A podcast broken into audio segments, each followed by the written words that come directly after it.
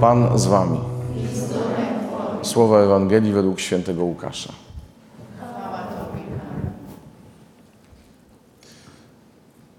Jezus opowiedział swoim uczniom przypowieść o tym, że zawsze powinni się modlić, a nie ustawać. W pewnym mieście żył sędzia, który Boga się nie bał i nie liczył się z ludźmi. W tym samym mieście żyła wdowa, która przychodziła do niego z prośbą: obroń mnie przed moim przeciwnikiem. Przez pewien czas nie chciał, lecz potem rzekł do siebie: Chociaż Boga się nie boję, ani z ludźmi się nie liczę, to jednak, ponieważ naprzykrza mi się ta wdowa, wezmę ją w obronę, żeby nie nachodziła mnie bez końca i nie zadręczała mnie.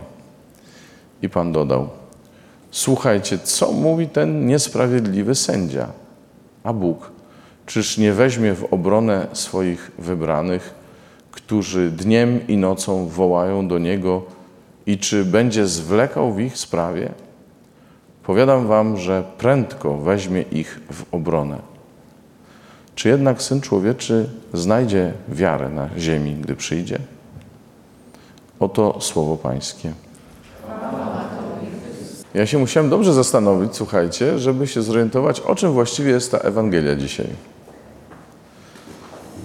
Yy, może źle zacząłem w sumie. Wam jak się wydaje, o czym ona jest?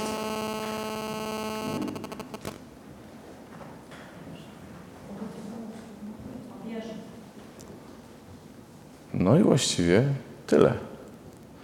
Bo myśmy się przyzwyczaili trochę myśleć o tym, że ta, ten fragment ewangeliczny, w ogóle ta, ten niesprawiedliwy sędzia i tak dalej, że to wszystko jest mowa o modlitwie wstawienniczej.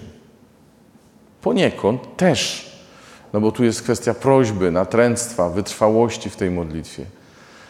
Ale no ten strzał właśnie z wiarą wydaje mi się kluczowy, dlatego że to ostatnie pytanie, prawie że retoryczne, czy Syn Człowieczy znajdzie na ziemi wiarę, gdy przyjdzie?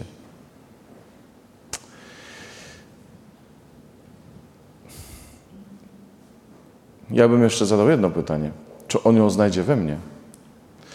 Bo jak się patrzy dzisiaj na, na środowisko wiary, czy może inaczej na Kościół, to można się zastanawiać, nie? jak w tym stanie Kościół ma przechować wiarę aż do przyjścia Pana Jezusa, zwłaszcza, że nie wiadomo, kiedy ten Pan Jezus przyjdzie.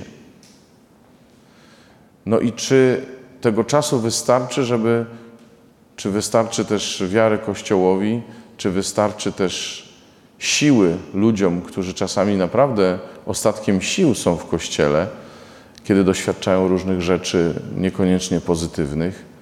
Tych rzeczy jest sporo, a świat chętnie je rozgłasza, żeby wyszło, że ten Kościół nie jest dużo lepszy od świata, a wręcz przeciwnie, jest gorszy. I yy, no, można powiedzieć, że wiara nie ma się lepiej, tylko gorzej, teoretycznie. Czyli nie wiadomo, czy przetrwa do przyjścia Jezusa.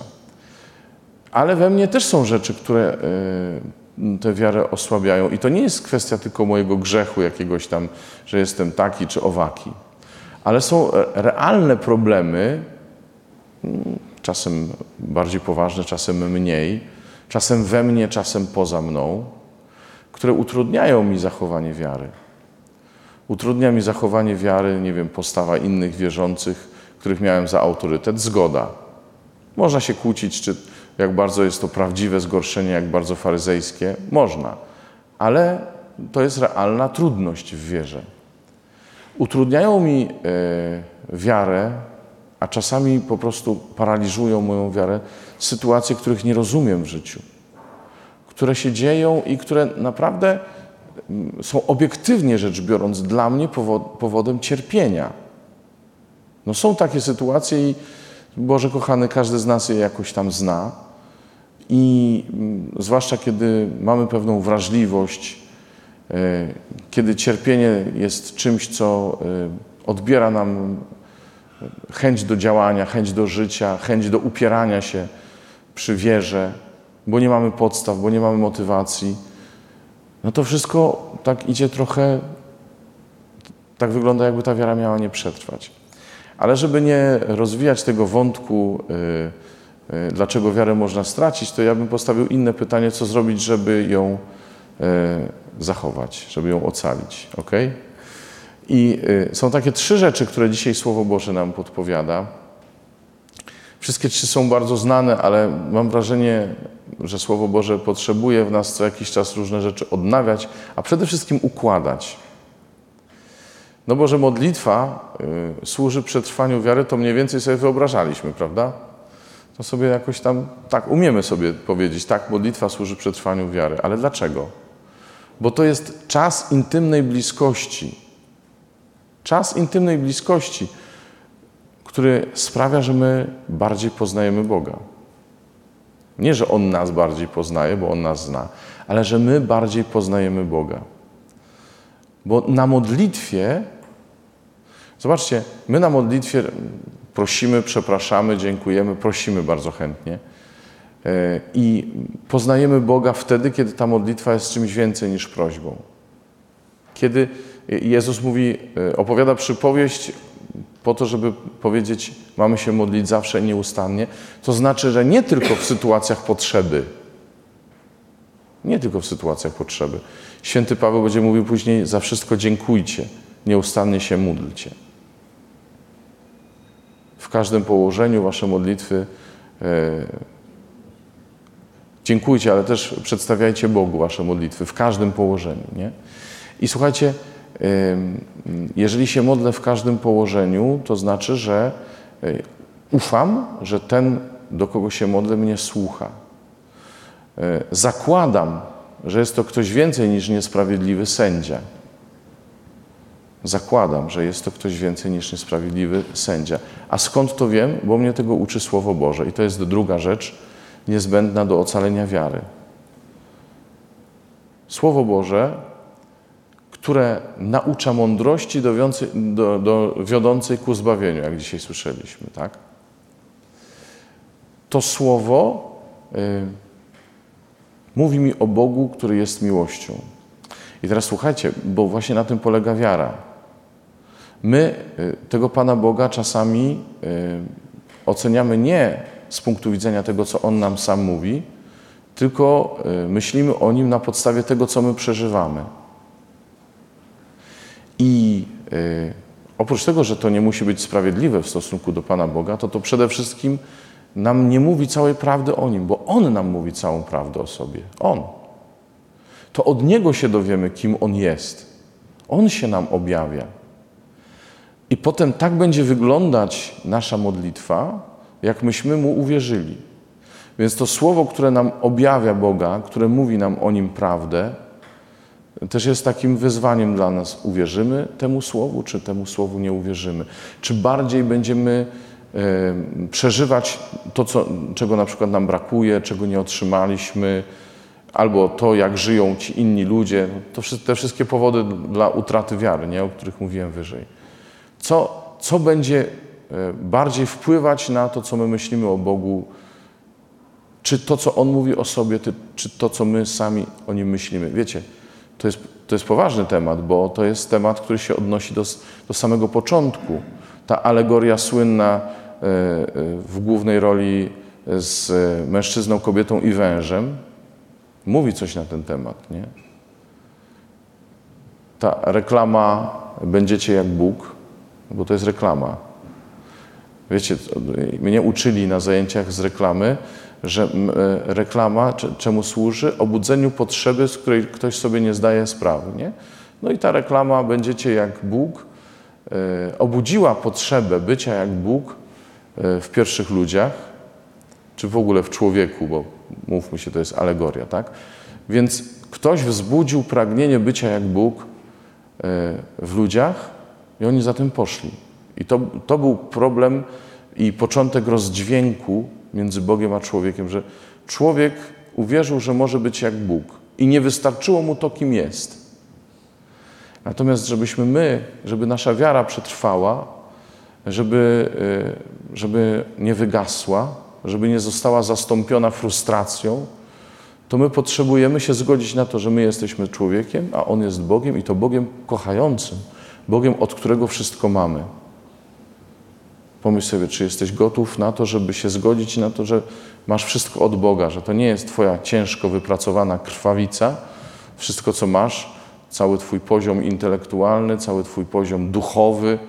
Wspiąłem się już na taki stopień pobożności, że ho, ho wszystko co mam materialnie, że to, to wszystko jest dar od Boga, który mnie kocha.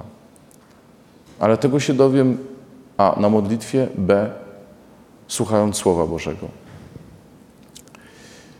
I trzecia rzecz to są, no jak idziemy do pierwszego czytania, to są bracia i siostry. To jest y, Aaron i Chór, którzy posadzili Mojżesza na kamieniu i podtrzymywali jego ramiona. Bo wiedzieli, że jak opuści ręce, to y, Amalekici będą zwyciężać, nie Izraelici. To jest jeszcze inna kwestia, że to pierwsze czytanie mówi nam o tym, że Bóg znów jest sprawcą naszego zwycięstwa. Nie nasze trzymanie rąk w górze przecież, tylko że trzymając ręce w górze, mówimy: Panie, to od Ciebie wszystko zależy. Panie, to od Ciebie wszystko zależy.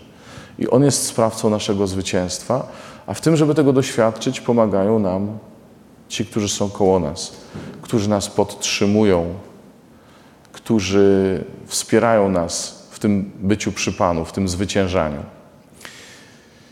Jest jeszcze druga strona medalu, y, zarówno jeśli chodzi o y, Słowo Boże, jak i o y, nasze bycie z braćmi. Bo to nie jest tylko tak, że to oni nam pomagają i to nie jest tylko tak, że my mamy zachowywać Słowo Boże, że mamy się uczyć ze Słowa Bożego, ale my to Słowo, mamy o tym Słowie świadczyć, czy to Słowo mamy głosić. Bo jeżeli rzeczywiście pozwalamy mu się kształtować, to ono nas e, wychowuje do tego, żebyśmy je głosili, żebyśmy się nim dzielili, żebyśmy ewangelizowali. Tak samo z braćmi. Nie jest tylko tak, że to oni nas wspierają, ale to jest też e, taki challenge przed nami, żebyśmy i my wyszli poza nasze potrzeby, zmartwienia i zobaczyli braci, którzy potrzebują, żeby podnieść im ręce, że oni są słabi. I my funkcjonujemy właśnie w takim, w takiej, jesteśmy jakby częścią takiej tkaniny niesamowitej. Tkaniny relacji z Bogiem, który nie tylko chce, żebyśmy my e, Mu uwierzyli, ale żeby inni dzięki naszemu świadectwu wierzyli. I braci, e, którzy są gotowi nam pomóc, ale którzy też potrzebują naszej pomocy. I słuchajcie, w tym przetrwa nasza wiara. W tym przetrwa nasza wiara. I też nasza modlitwa tak będzie wyglądała. Jeśli e, uwierzymy Słowu Boga, który mówi o sobie, że jest miłością, który mówi, że ma nasze imiona wypisane na swoich dłoniach, że nawet gdyby własna matka zapomniała o nas, to On nie. Jeżeli Jemu uwierzymy, to, to modląc się, będziemy z tego wychodzić. I wszystko, co otrzymamy lub czego nie otrzymamy od Boga, będziemy wiedzieć, że e, Bóg może zamienić w dobro. Trzeba cierpliwości, to prawda, żeby to rozpoznać, ale Bóg to może zamienić w dobro. Może. Może to zamienić w dobro i pomogą nam to rozpoznać też nasi bracia i słowo, które czytamy na co dzień. Ale tak przetrwa wiara, która polega na zaufaniu. I takiej wiary życzę sobie, Wam i całemu Kościołowi. Amen.